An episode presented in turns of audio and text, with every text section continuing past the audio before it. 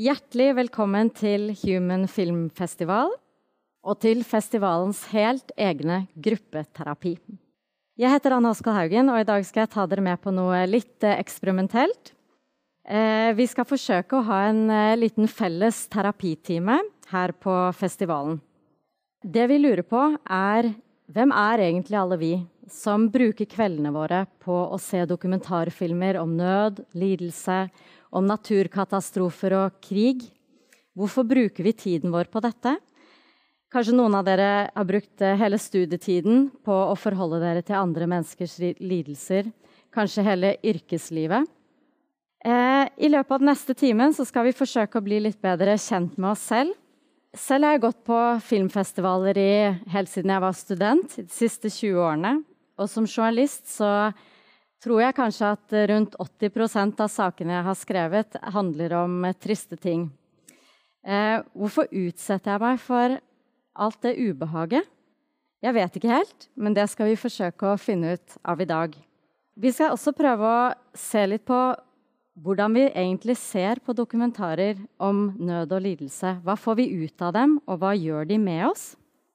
For å få til dette så har vi med oss litt eh, hjelp, og hjelpen sitter her.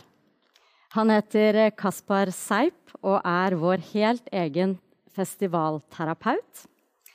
Og på terapibenken på vegne av oss alle så har vi lagt stortingspolitiker Trine Skei Grande.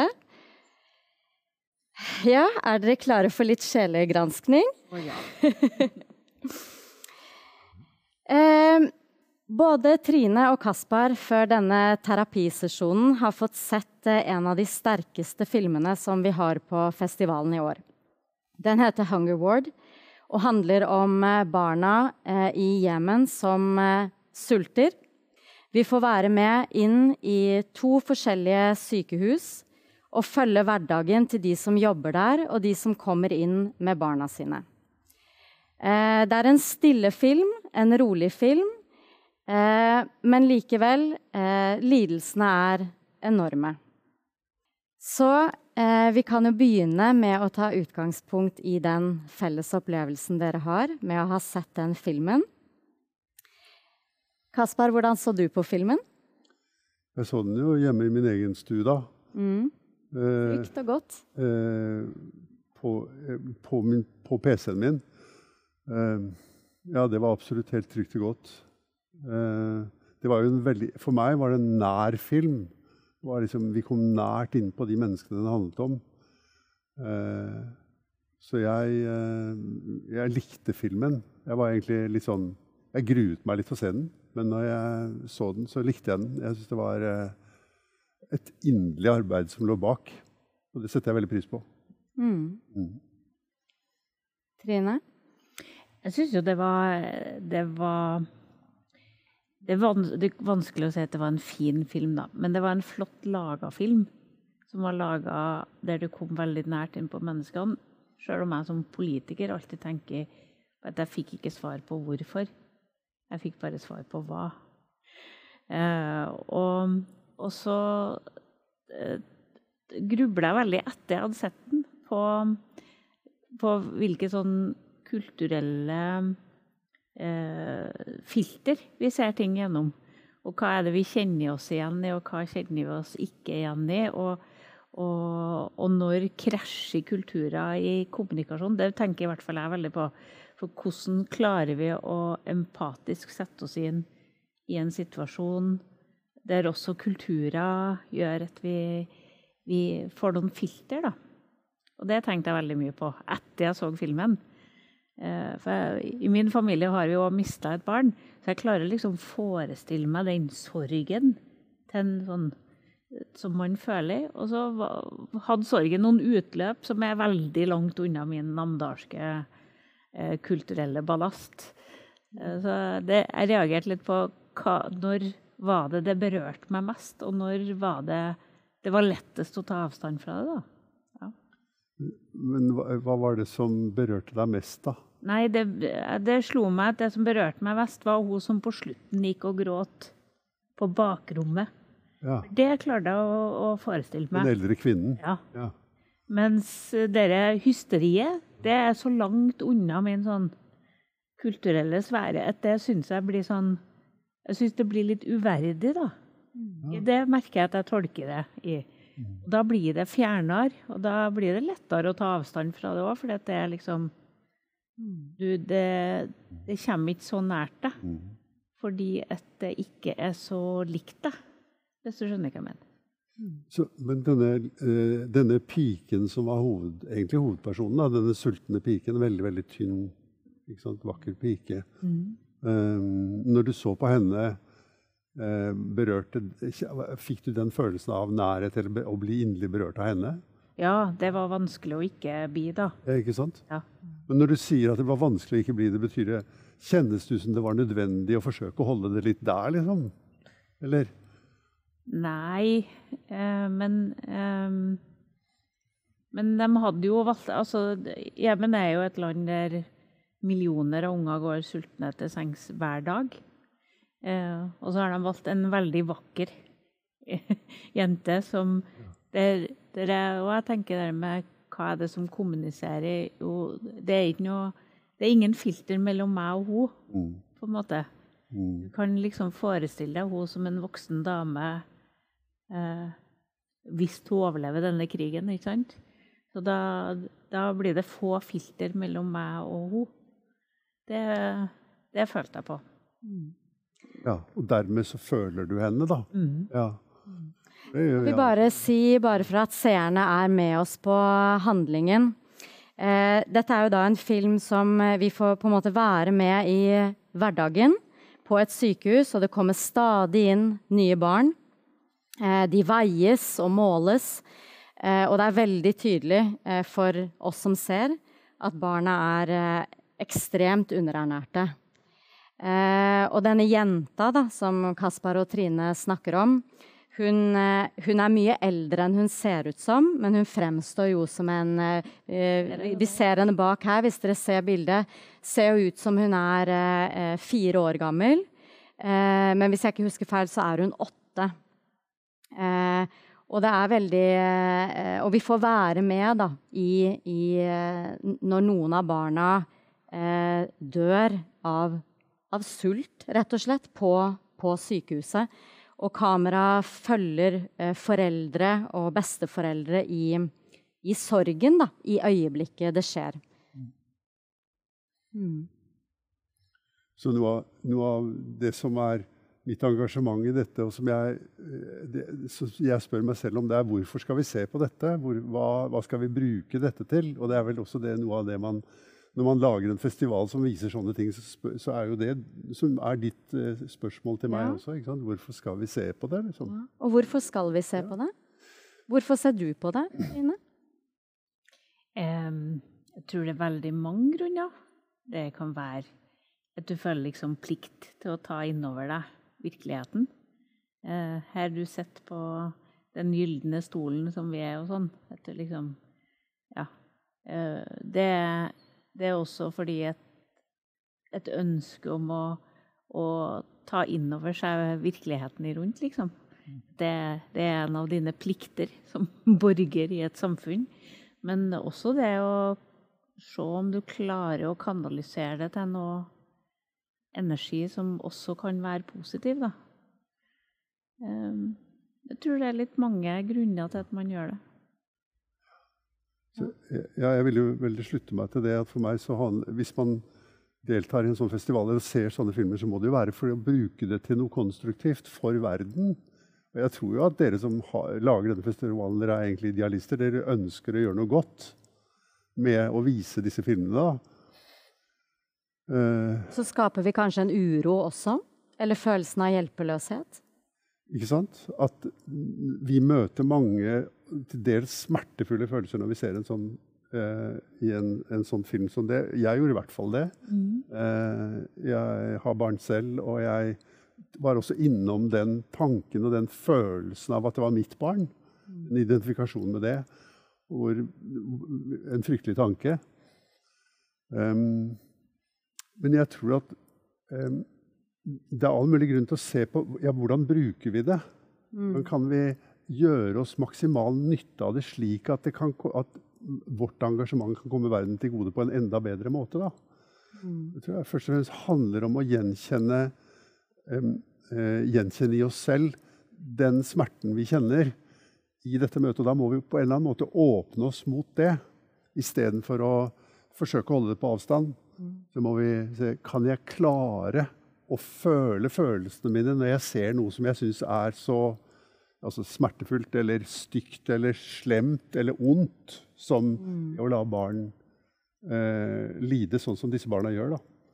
Men det er jo en kunstform også, som også skal ha som mål å få til noe. Men, men dokumentaren som kunstform kan jo også ha, en ha den følgen at den skaper et sinne eh, som ikke alltid er konstruktivt heller.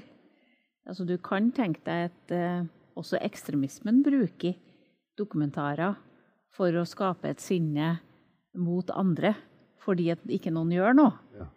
Eh, så man må huske på at det er også en kunstform eh, som er en ytring. Mm.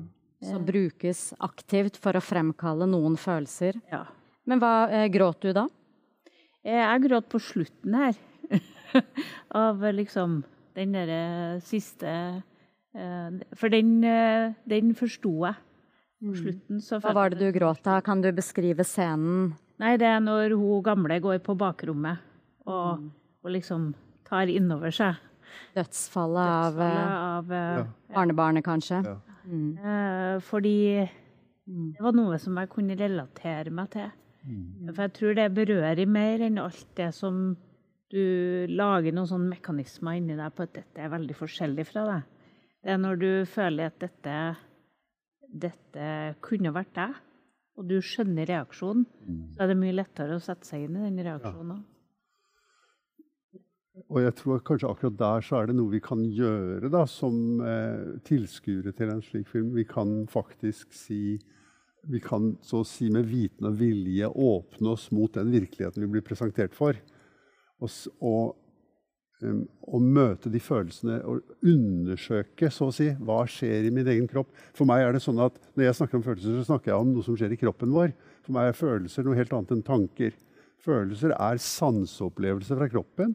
Og når vi sitter og ser på noe som er så smertefullt, så gjør det vondt i kroppen. Og jeg, dette har ikke jeg alltid visst i mitt liv. Liksom. Det er egentlig noe jeg er blitt klar over ettersom jeg har arbeidet med meg selv. At, at det å det å eh, ha sterk Altså å føle vonde ting, at det er fysisk vondt. Og det var det jo å se den filmen også. Mm. Og at det har en verdi å føle det som er fysisk vondt, uten å gå f.eks. i retning av eh, raseri eller sinne. Fordi at det handler om å løse egentlig dette smertefulle.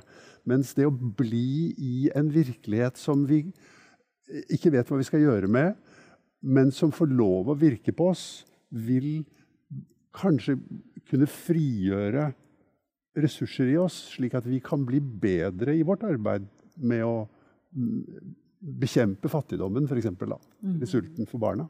Men hva er det du sier? Er det, det, er bra å gråte? Det er jo ikke alle som gråter når man ser sånne ting. Jeg gråter ikke alltid. Er det, er det bra, er det den beste måten å se en sånn film på? Er å på en måte la seg berøre så sterkt? Jeg vil ubetinget si ja til det. Jeg, for meg så er det det som er hensikten med en slik film. Det er å la seg berøre, bli inderlig rørt av en slik film. Det vil utvikle deg som menneske.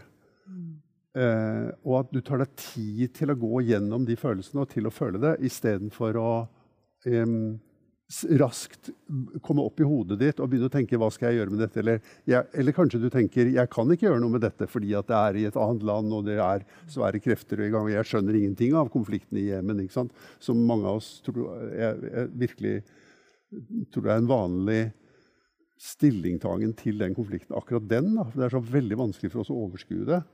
Og, også fordi det er et annet kulturelt uttrykk. Mm. Men men allikevel så er det noe veldig fellesmenneskelig i det, eh, som vi kan gjenkjenne. Sånn som når vi ser på dette barnet eller denne bestemoren. som kanskje, I hvert fall så var det mitt inntrykk også at det var en bestemor. Mm. Det å våge å kjenne, å, å identifisere seg med det og gjenkjenne sine egne følelser i det, det har en stor verdi å bli der. Det er så å si at filmen inviterer oss til å bli mer sårbare. Istedenfor at den eh, inviterer oss til å skjære det av og si og gjøre sånn med det. ikke sant? Og for meg, og for det, sånn som jeg oppfatter oss mennesker, så er det veldig nærliggende for oss å prøve å beskytte oss mot det. Eh, vi har massevis av mekanismer som er inni oss, og som er sånn eh, hvor vi gjør sånn, liksom, for det, Vi prøver å holde det på avstand fordi det er så veldig smertefullt. Er, du er jo fagmenneske, men er ikke empatien noe man må lære seg, da? At det er noe å lære seg? Jo, det er noe å trene opp, tror jeg. Ja. Og at eh, det er det, akkurat det er det. Empati er noe som kommer gjennom å tåle smerte. Å gjenkjenne andre, eller seg selv i andre. Og så mener jeg at det er en del av det å bli voksen, det å skjønne eh, Nå ble jeg lei meg. Og det å klare å skjønne hvorfor ble jeg lei meg. Det, for meg handler det om det å bli voksen. Som, eh, altså, Fordi at du har liksom ulike følelser inni deg, og så klarer du å stoppe opp og tenke hvorfor ble, Hva var det som berørte meg nå? Hvorfor ble jeg lei meg nå? Eller hvorfor ble jeg sint nå? Det mener jeg, det, det, For meg er det det å bli voksen. Jeg kjenner mange voksne som ikke er voksen. Men, men det er liksom det, det jeg tror det er litt lurt å av og til gå tilbake og tenke hvorfor, hvorfor skjedde det? Men det er to ting. ikke sant? Det ene er lei meg-heten, sorgen eller smerten. Og det andre er refleksjon rundt det. da. Mm. Det ene foregår her, og det andre foregår her. Ja, ikke sant? Ja, og det, og, Men det må jo henge sammen, må det ikke det? Jo, det gjør, det gjør jo gjerne det, og det vil Ja. være veldig nyttig hvis det gjør det. Men jeg tror jo at det er veldig mye enklere for oss mennesker å flytte oppmerksomheten vår opp til den analysen og den tenkningen rundt det, enn å bli i det som er så ubehagelig. Og jeg hevder jo at det å bli i det ubehagelige har en verdi fordi at det åpner oss mot verden og åpner oss mot det å være et menneske. Og det at vi går fra å være separate individer til å være eh, å være én menneskehet. Det er det som skjer når vi gjør det. Og det tror jeg er en ubetinget verdi som det er for lite av i verden i dag. Og at, og at gjennom å se på sånne filmer og gjennom å ta det dypt innover oss, vil vi utvikle vår samfølelse med alt som lever. Men dette er jo en film som på en måte viser håpløshet, og den forklarer ikke hvorfor. Hvorfor sulter disse barna? Mm. Nei, den forklarer ingenting. Nei. Det er en film som på en måte vi detter rett inn i et sykehus, og der oppholder vi oss hele, hele dokumentaren. Eh, og så er det en liten forklarende tekst eh, på slutten som sier noe veldig eh, basic om konflikten i Jemen. Så Derfor så er det jo ekstra krevende når du ser en sånn film, å klare å kanalisere den frustrasjonen og sorgen og de følelsene du får, til noe konstruktivt. For den gir deg ingen svar på, på hva er det Altså, mm. Filmskaperen har ingen idé om hvordan man skal komme seg ut av dette. Hvordan disse barna skal på en måte hjelpes eh, til å ikke komme inn. Eh, og det er jo litt forskjellig fra film til film hvilken sånn type motivasjon den kunstneren bak skaper, da. Eller Jeg skal gi et innspill på det, fordi eh, dokumentaren ender jo også med en bønn om en donasjon til sykehuset. La dere merke til det? At når filmen er slutt, så er det en oppfordring om å donere penger, hvor du da kan klikke på en eh, link og komme rett inn på en slags kampanjeside og donere til eh, sykehuset. Så der er det jo på en måte en sånn klar oppfordring til handling, da. Ehm, hva tenker dere om det? Ja, altså jeg, eh, det er jo fint, men for meg er det mye større enn det. Det er, det er det som er det felles menneskelige, at denne filmen egentlig appellerer til oss for alle mulige smertefulle situasjoner som menneskene er i. Da.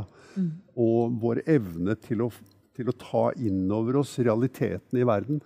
Vi beskytter oss mot realiteten i verden, for realiteten i verden er ubehagelig. Enten det gjelder miljøsituasjonen, eller det gjelder menneskerettigheter, eller det gjelder barn som sulter, eller det gjelder krig, eller veldig mange ting.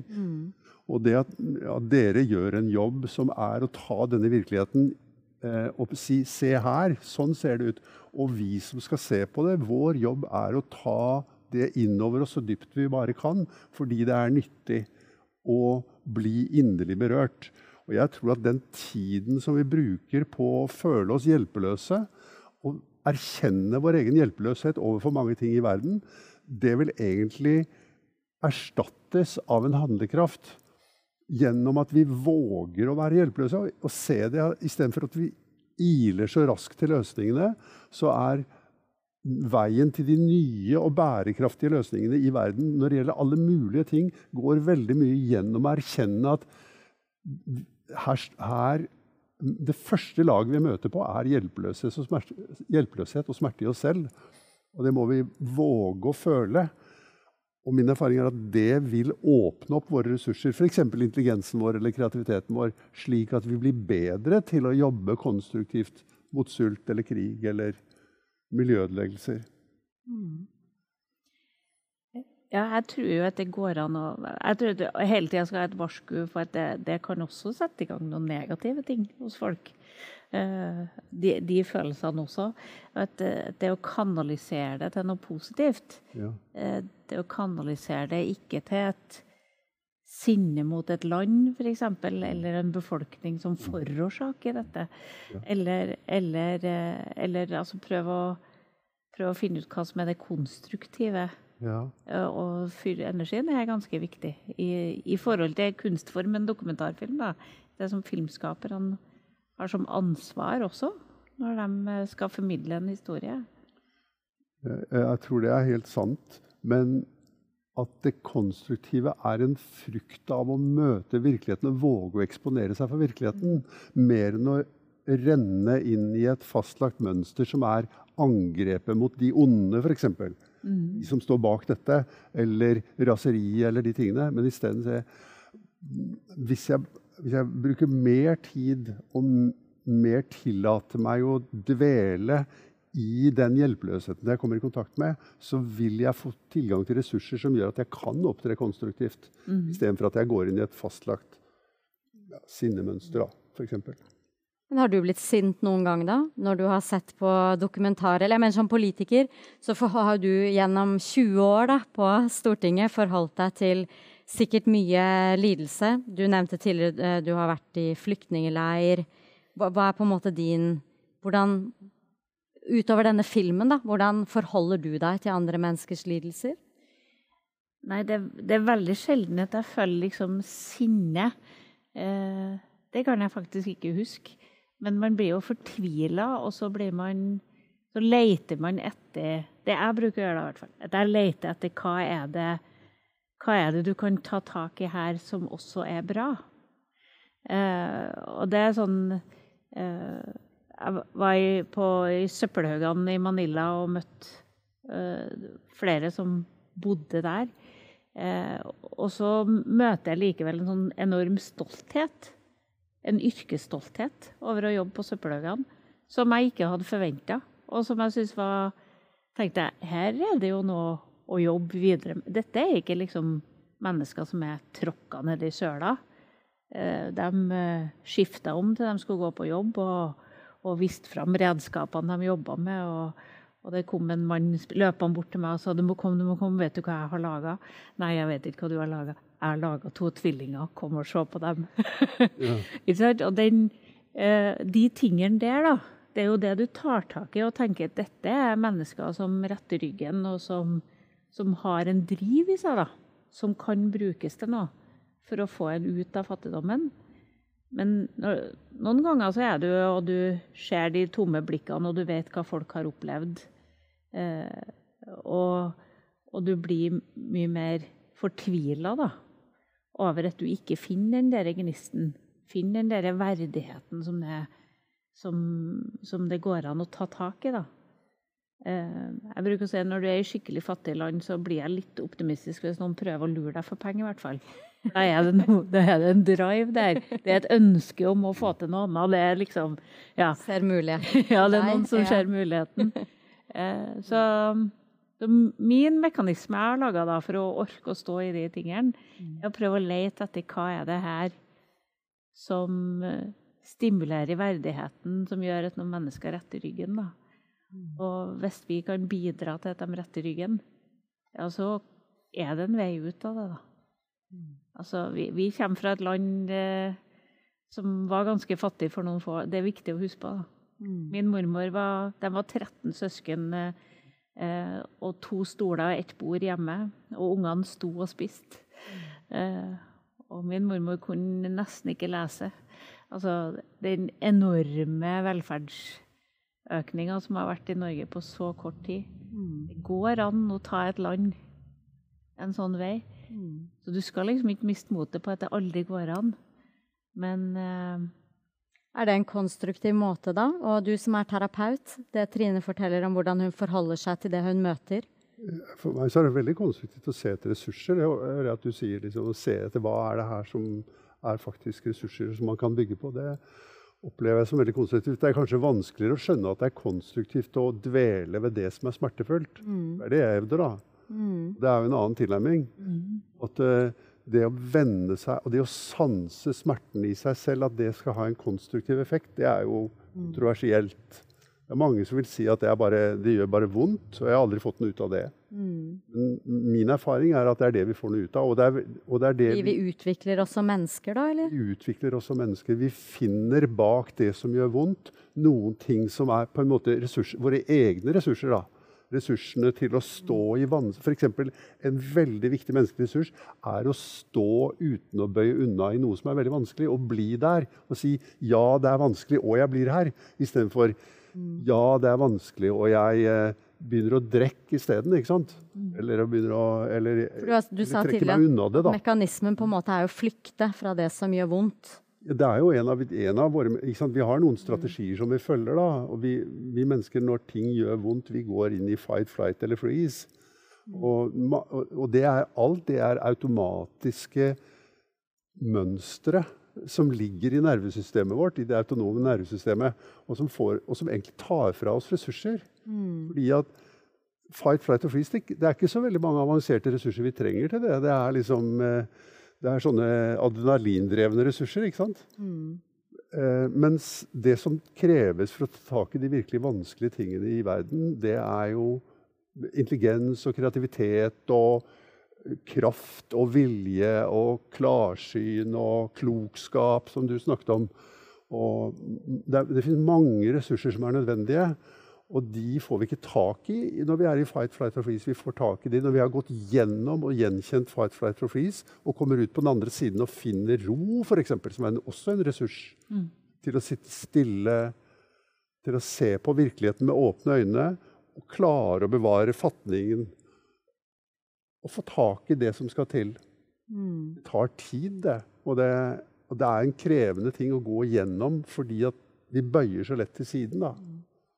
Men vi sitter jo, jeg vet ikke om du tenkte på det, men du sa i begynnelsen Trine, dette med at vi En slags moralsk plikt også, å, se på eh, hva andre mennesker gjennomgår. Men vi ser jo også på det fra eh, Du sa at du satt hjemme i, og så denne filmen, denne dokumentaren, på, på PC-en din. Eh, så vi sitter jo veldig trygt, da, eh, de fleste av oss i hvert fall, her, og betrakte lidelse langt vekk. Er det er det virkelig Du snakker om dette med å ta det inn, men, men er det, greier man det? Det er jo så langt borte. Er det, an, det er veldig annerledes å stå i din egen personlige lidelse, hva enn det er du gjennomgår i livet ditt, og det å eh, forholde seg til andre menneskers lidelse, da? Jeg, det er, bare si at jeg eh, misliker veldig når man går inn i alle sånne ting og seg av skyld og skam. Jeg mener jo at skyld og skam er mye av det negative som er i samfunnet vårt, er basert på skyld og skam. Og det, du kan alltids liksom gå inn og sånn og, og nærmest skal starte å sulte deg sjøl i ren solidaritet med, med sulten. Eh, men, men, det, men, jeg mener at skyld og skam oftest ikke er noe Det, det drar oss bare i feil retning. Mm. Eh, men jeg mener at vi har en plikt til å ta inn over oss et eleves leves ulike liv. Uh, og, og, så den plikten til å ta det innover seg, den føler jeg på. Ja. Men skammen over at vi har det bra, syns jeg ikke at vi skal ha. Mm. Uh, for den tror jeg ikke er konstruktiv. Fordi, Hva sier terapeuten til det? Jeg sier at det, det, der er en mening, men realiteten er at skyld og skam spiller en veldig stor rolle i menneskenes liv. Uh, enten vi vil eller ikke. Og de, og de er Jeg vil ikke det, da. ja, ikke sant? Jeg vil ikke at det skal være sånn. Men, uh, Men det er faktisk slik at det spiller en veldig stor rolle. Det har de gjort i 100 000 år. fordi at skyld og skam er liksom noen av de aller dypeste drivkreftene i menneskene. Som holder oss sammen, blant annet, og får oss til å bøye nakken vår og får oss til å bli lovly, eller lo, lydige innenfor den Jeg har en mor på nesten 90, og hun, jeg diskuterer dette ofte, for hun sier at når folk slutter å skjemmes, så vil samfunnet bryte sammen. Det er riktig, det. Det er riktig. Eh, Og jeg tenker liksom at hele min eh, eh, politiske liv har jobba mot skammen, da. Mot at folk skulle skamme seg for ting. Eh, så dette diskuterer jeg og mamma. Men skal jeg si deg en ting, Trine, at ska, De menneskene som ikke kan føle skam, de fins ikke fordi at, fordi at det er en evolusjonær ting. Altså den e Evnen til å føle skyld og skam har utviklet seg med menneskene. Og vi som er her i dag, vi har skyld og skam som veldig viktige drivkrefter i livet vårt. Og det å være for eller imot det er på en måte helt irrelevant. For det er sånn det er. Akkurat som vi har hår på huet eller går på to bein. Ja, ja. Jeg vet jo at det finnes der, men, Mm. men jeg mener at det har skapt så utrolig mange ufrie liv, da. Ja, Ja. helt enig i Det, så for meg som vil at mennesker får lov til å leve livet sitt som de ønsker, så er det å bekjempe skammen for legningen din eller kjønnet ditt eller samme liksom, så er, Det har vært prega av så mye skam opp gjennom tidene. Skammen du bærer fra slekter bak deg. og Men hvis du går inn i skam, hvis du gjør det, da, for vi sier at denne, eller skyld, da, som jeg, eh, veldig mange av oss vil føle når vi ser sånne filmer som denne her Hvis vi går inn i Hvor er det du føler skyld? Nei, det er jo om jeg kunne jeg ha gjort noe mer. Ja, men jeg tenkte ikke på det, den. Jeg tenkte hvor i kroppen din føler du det? Er det her, eller er det her, eller her, eller er det her? Nei, skam vet jeg sannelig ikke hvor er. Det tror jeg ligger i ryggmargen, faktisk. Ja, Hos meg gjør det. ja kanskje det gjør det. Og ryggmargen ikke sant? Den er et eller annet sted i dypet innover her. Så vi føler skyld og skam i kroppen vår. Og når, når vi tenker på hva vi kan gjøre når vi ser sånne filmer, så, så handler jo det om Hvis jeg går inn i skyld eller skam, hvis det er det jeg føler, da, hvis det er det det heter, det jeg føler, for det er jo egentlig bare vondt, ikke sant? Hvis jeg går inn i det med oppmerksomheten min og ser på det og undersøker det veldig grundig, så vil Min erfaring er at det vil løse seg opp. Hvis jeg istedenfor å prøve å komme rundt det, eller prøve å ikke ha det, eller har en politisk agenda med det som er at jeg vil ikke ha det Vi har det enten vi vil det eller ikke. Så er veien å gå inn i det vil løse opp skyld og skam. Ikke å la seg kue av det, men å virkelig våge å føle det i sitt dypeste. Og kjenne ah, den følelsen jeg får når jeg Hva skal man gjøre med det? Er det konstruktivt å føle skyld og skam? Det er konstruktivt fordi det er virkeligheten i ditt indre. Og hvis du møter den virkeligheten, så vil den virkeligheten endre seg. Hvis du gjennomtrenger den virkeligheten med oppmerksomhetens klare lys, da. Men kan jeg si, jeg, føl, jeg føler veldig jeg, jeg, jeg, har ikke, jeg har ikke kommet så langt i kampen mot skammen, Trine, som du har. Jeg føler masse skyld og skam når jeg ser filmer som det her. Eh, og det, det vi nevnte i sted, med at eh, dokumentaren slutter med, å, eh, med en oppfordring til å donere penger, eh, den funka veldig bra på meg. Jeg gikk rett inn eh, og donerte 100 dollar. Men da satt jeg bare igjen med skammen over å ikke ha gitt mer. Ja. Og så ble jeg helt fortvila, og så tenkte jeg ja, men eh, burde jeg Skal jeg selge noe jeg eier, og gi alt? Jeg føler at det, det var ikke noe botemiddel for min skam. Da. Det følte, førte egentlig bare til enda mer skam. Hva er 100 dollar for de barna her? Ja. Hva gjør jeg med det, da? Ja, ja, det, det, der ser du. Det hjelper ikke mye å prøve å bli kvitt Du prøvde jo å bli kvitt den. Å ja! Jeg vil Ja, det hjalp ikke. Jeg vil, nei, jeg vil anbefale deg det motsatte. Oh, ja. Og det betyr ikke at Jeg syns det er veldig fint å gi penger til Eller gi, eh, være med og bidra hvis man har økonomiske muligheter til det. Det syns jeg er veldig bra. Men, men det, vi snakker om noe annet. Vi snakker om hvordan kan jeg bruke skammen? For det er faktum at jeg føler skyld og skam når jeg ser noe sånt. Og da kunne du si jeg- Det der med pengene tar jeg etterpå. Først møter jeg de følelsene i min egen kropp.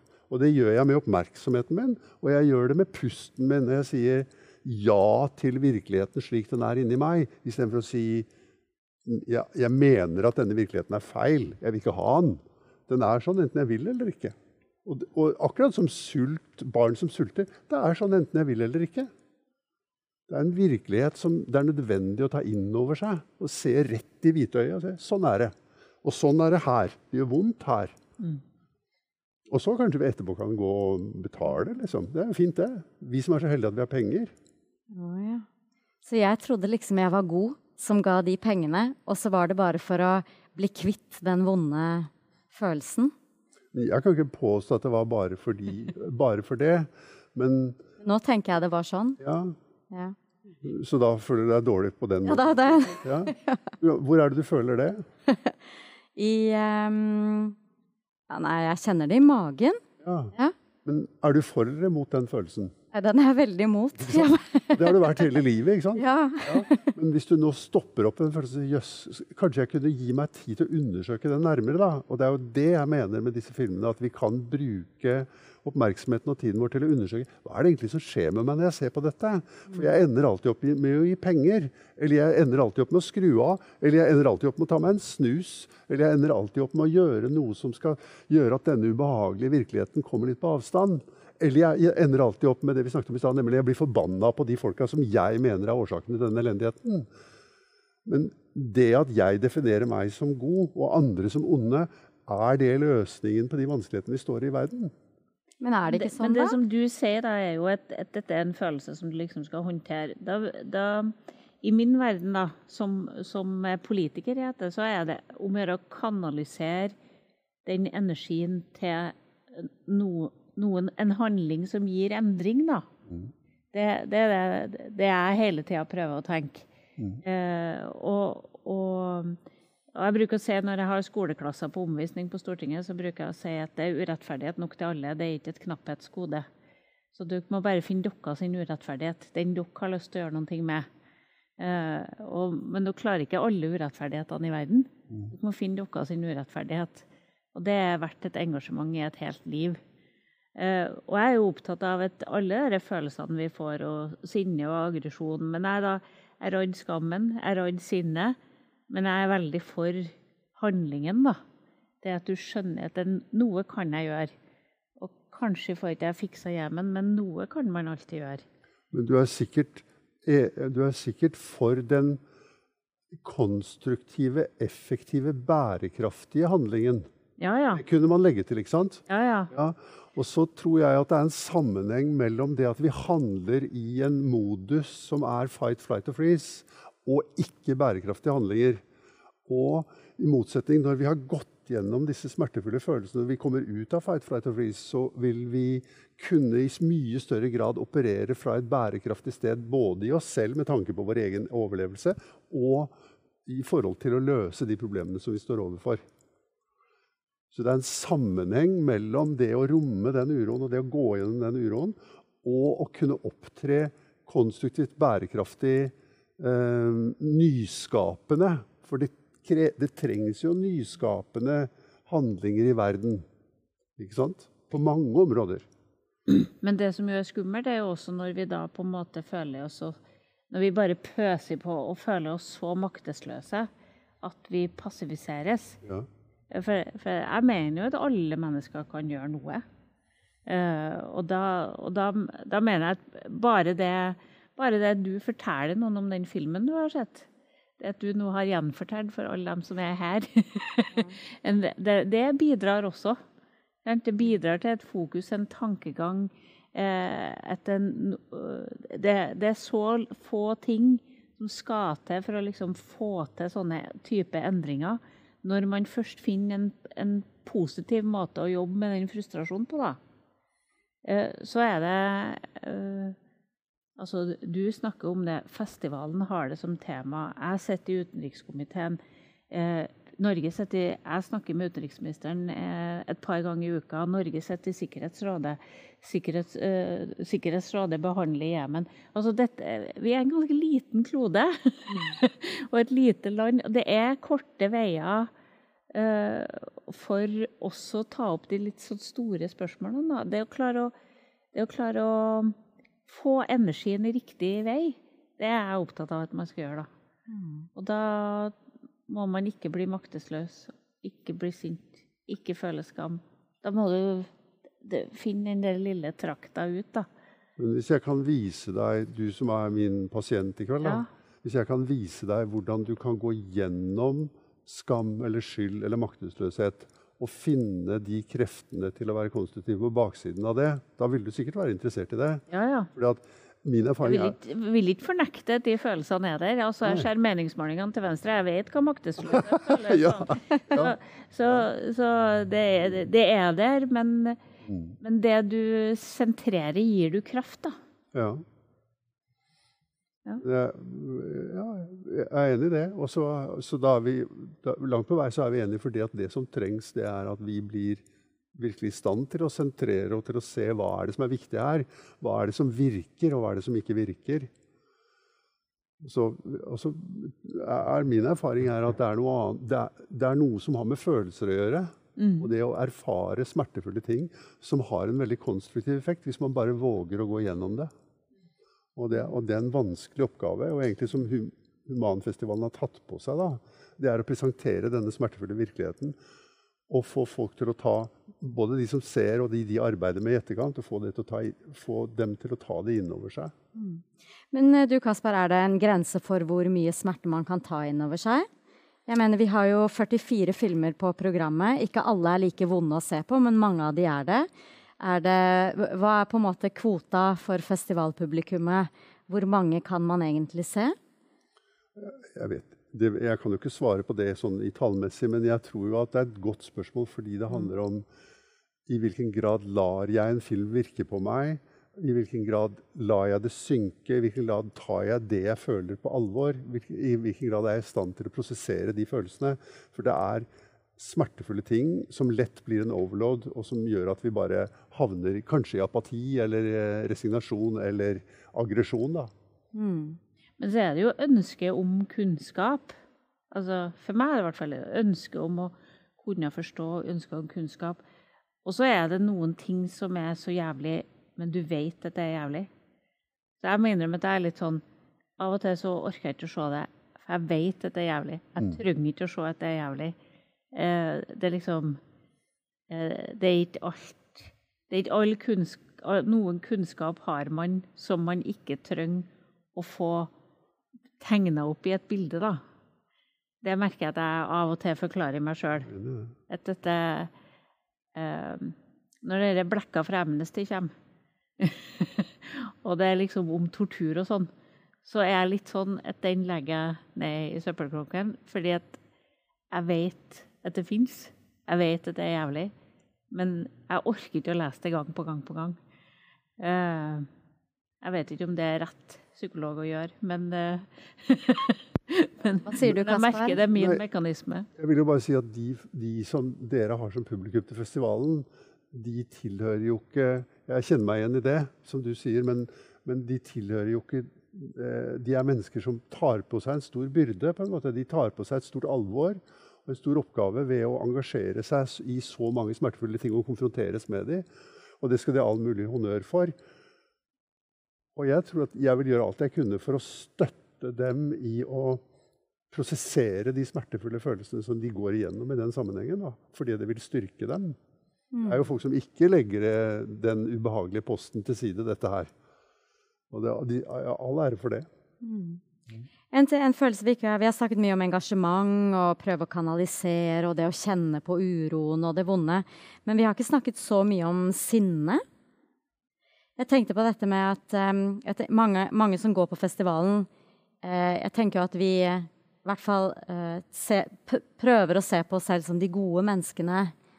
Og så er man vitne til alt det som er så ondt, da. De som forårsaker lidelsen. Em, og det sinnet det også skaper. Hvorfor gjør de det? Hvem er disse menneskene som kan forårsake så mye ondt? Hvordan forholder man seg til den følelsen? Det er jo ikke en følelse, det. Er det ikke en følelse? Nei, det er en tanke. Å ja. At det er noen mennesker som er onde, og som, som står bak dette. Og at det er noen andre mennesker, nemlig oss, som er gode. Det er ikke følelser. Det er, eh, det er ideer vi har om virkeligheten. Og jeg, jeg, nå har jeg snakket litt med Trine på bakrommet, og, og hun og jeg vi er enige med en ting, og det er at det fins ikke mennesker som er um, som tilhører den ene eller den andre kategorien her, men det potensialet for både det onde og det gode ligger i alle mennesker. ikke sant? Jeg tror alle er både gode og onde. Ja. Eh, og, og det er så farlig å bare plassere folk i det ene eller det andre. Eh, fordi ene er at du ikke ser hele mennesket, men at du heller ikke eh, alltid identifiserer det onde når det opptrer. Mm. Et Eh, eksempel? jeg husker, jeg husker en av de gamle karene i Venstre som satt i Saksenhausen. Var på kontoret mitt, og så var det noen som hadde laga en film om eh, en dokumentarfilm om Falstad, som jo var konsentrasjonsleir under krigen. Eh, og han var så irritert på den filmen. Og så sa jeg 'Hvorfor var du det? Du satt der. Du vet hvor ille det var'. Eh, og så sa han ja, men hele filmen er i, i svart-hvitt. Den er mørk. Den er, den den, den, Det er bare dystert. Eh, og så sa han nå skal jeg fortelle deg en ting, Trine. En dag vi kom inn fra tvangsarbeid og kom inn i matsalen, så satt en tysk fangevokter og spilte piano mens en av de norske fangene sang. Så sa han det er også et bilde fra Falstad. Hvis du aldri forteller det bildet, så kjenner du ikke igjen ondskapen når den oppstår. Eh, fordi, fordi hvis du ikke klarer å tegne det hele bildet, så, klar, så, så er det så lett å døyve bort hva det er, den ondskapen som var der, da, i en konsentrasjonsleir. Eh, og det har jeg tenkt mye på etterpå. Han gikk gjennom en prosess. Han fant igjen alle fangevokterne sine. Og han talte i begravelsen til to av de fangevokterne som han har sittet i konsentrasjonsleir overfor. Eh, og, og jeg lærte veldig mye av, av Albrecht, hva han, han fortalte om sine opplevelser. Og da, det, det tror jeg har vært en sånn filosofi for meg etterpå. Det fins ikke bare gode og bare onde. Eh, og hvis du tror det, så vil du ikke kjenne igjen ondskapen når den synes. Det syns jeg var en veldig fin eh, avslutning på denne gruppeterapitimen vår. Eh, tiden er i ferd med å renne ut, men jeg hadde lyst til å bare vise dere og publikum denne lille boken. Og det er sikkert mange av dere som kjenner den, men dette er Susan Sontags lille bok som heter eh, 'Å betrakte andres lidelse'. Og den var inspirasjonen til dette eh, arrangementet. Det var den som fikk oss til å begynne å tenke på er vi, e- hvem er det egentlig vi er som sitter og ser på alle disse tingene. Eh, og spesielt de som jobber fulltid da, med festivalen, som er rundt på filmfestivaler og ser igjennom mengder med dokumentarer. Eh, hvordan forholder vi oss egentlig til alt dette? Eh, og det er en bok som eh, burde være pensum for alle som eh, eh, går på Human og er opptatt av disse tingene. Jeg tenkte jeg skulle lese opp noen ting hun skriver, som et slags eh, ord for ettertanke. Hun skriver å være tilskuer til katastrofer som finner sted i et annet land, er vesentlig sett en moderne erfaring. Det er et tilbud som har hopet seg opp gjennom mer enn et halvannet århundre med disse profesjonelle, spesialiserte turistene vi kaller for journalister. Hva er meningen med å vise alle disse menneskenes lidelse? Er det å få oss til å føle oss ille ved? Er det å hjelpe oss i sorgarbeidet? Er de nødvendige? Som du sa. Bekrefter de ikke bare det vi allerede vet? Bildene er en stadig tilbakevendende kilde til uro. Og medlidenhet, det er en skrøpelig følelse. Den må overføres til handling, ellers forvitrer den. Spørsmålet er hva vi skal gjøre med følelsene som har blitt vekket. Den kunnskapen som har blitt formidlet. Dersom man føler at det ikke er noe vi kan gjøre, ja, hvem er da vi? Og ingenting de kan gjøre heller. Men hvem er de? Da vil man begynne å kjede seg, og man blir kynisk og apatisk. Det er fint. Noe å tenke på. Da sier jeg tusen takk til alle dere. Takk for at dere var med oss i dag. Og anbefaler selvfølgelig alle å se Hunger Ward, som nå også er eh, kortlistet til Oscar-nominasjon. Eh, og det, Trine, som du etterlyste med litt kontekst i den filmen eh, Alle dere som velger å se filmen på Humanfestivalen, vil få med dere et ti minutter foredrag av Cecilie Hellestveit, som er ekspert på Jemen og som snart kommer ut med en bok om konflikten. Så da får dere den konteksten som Trine ønsket seg. Tusen takk til alle dere. Takk for i kveld.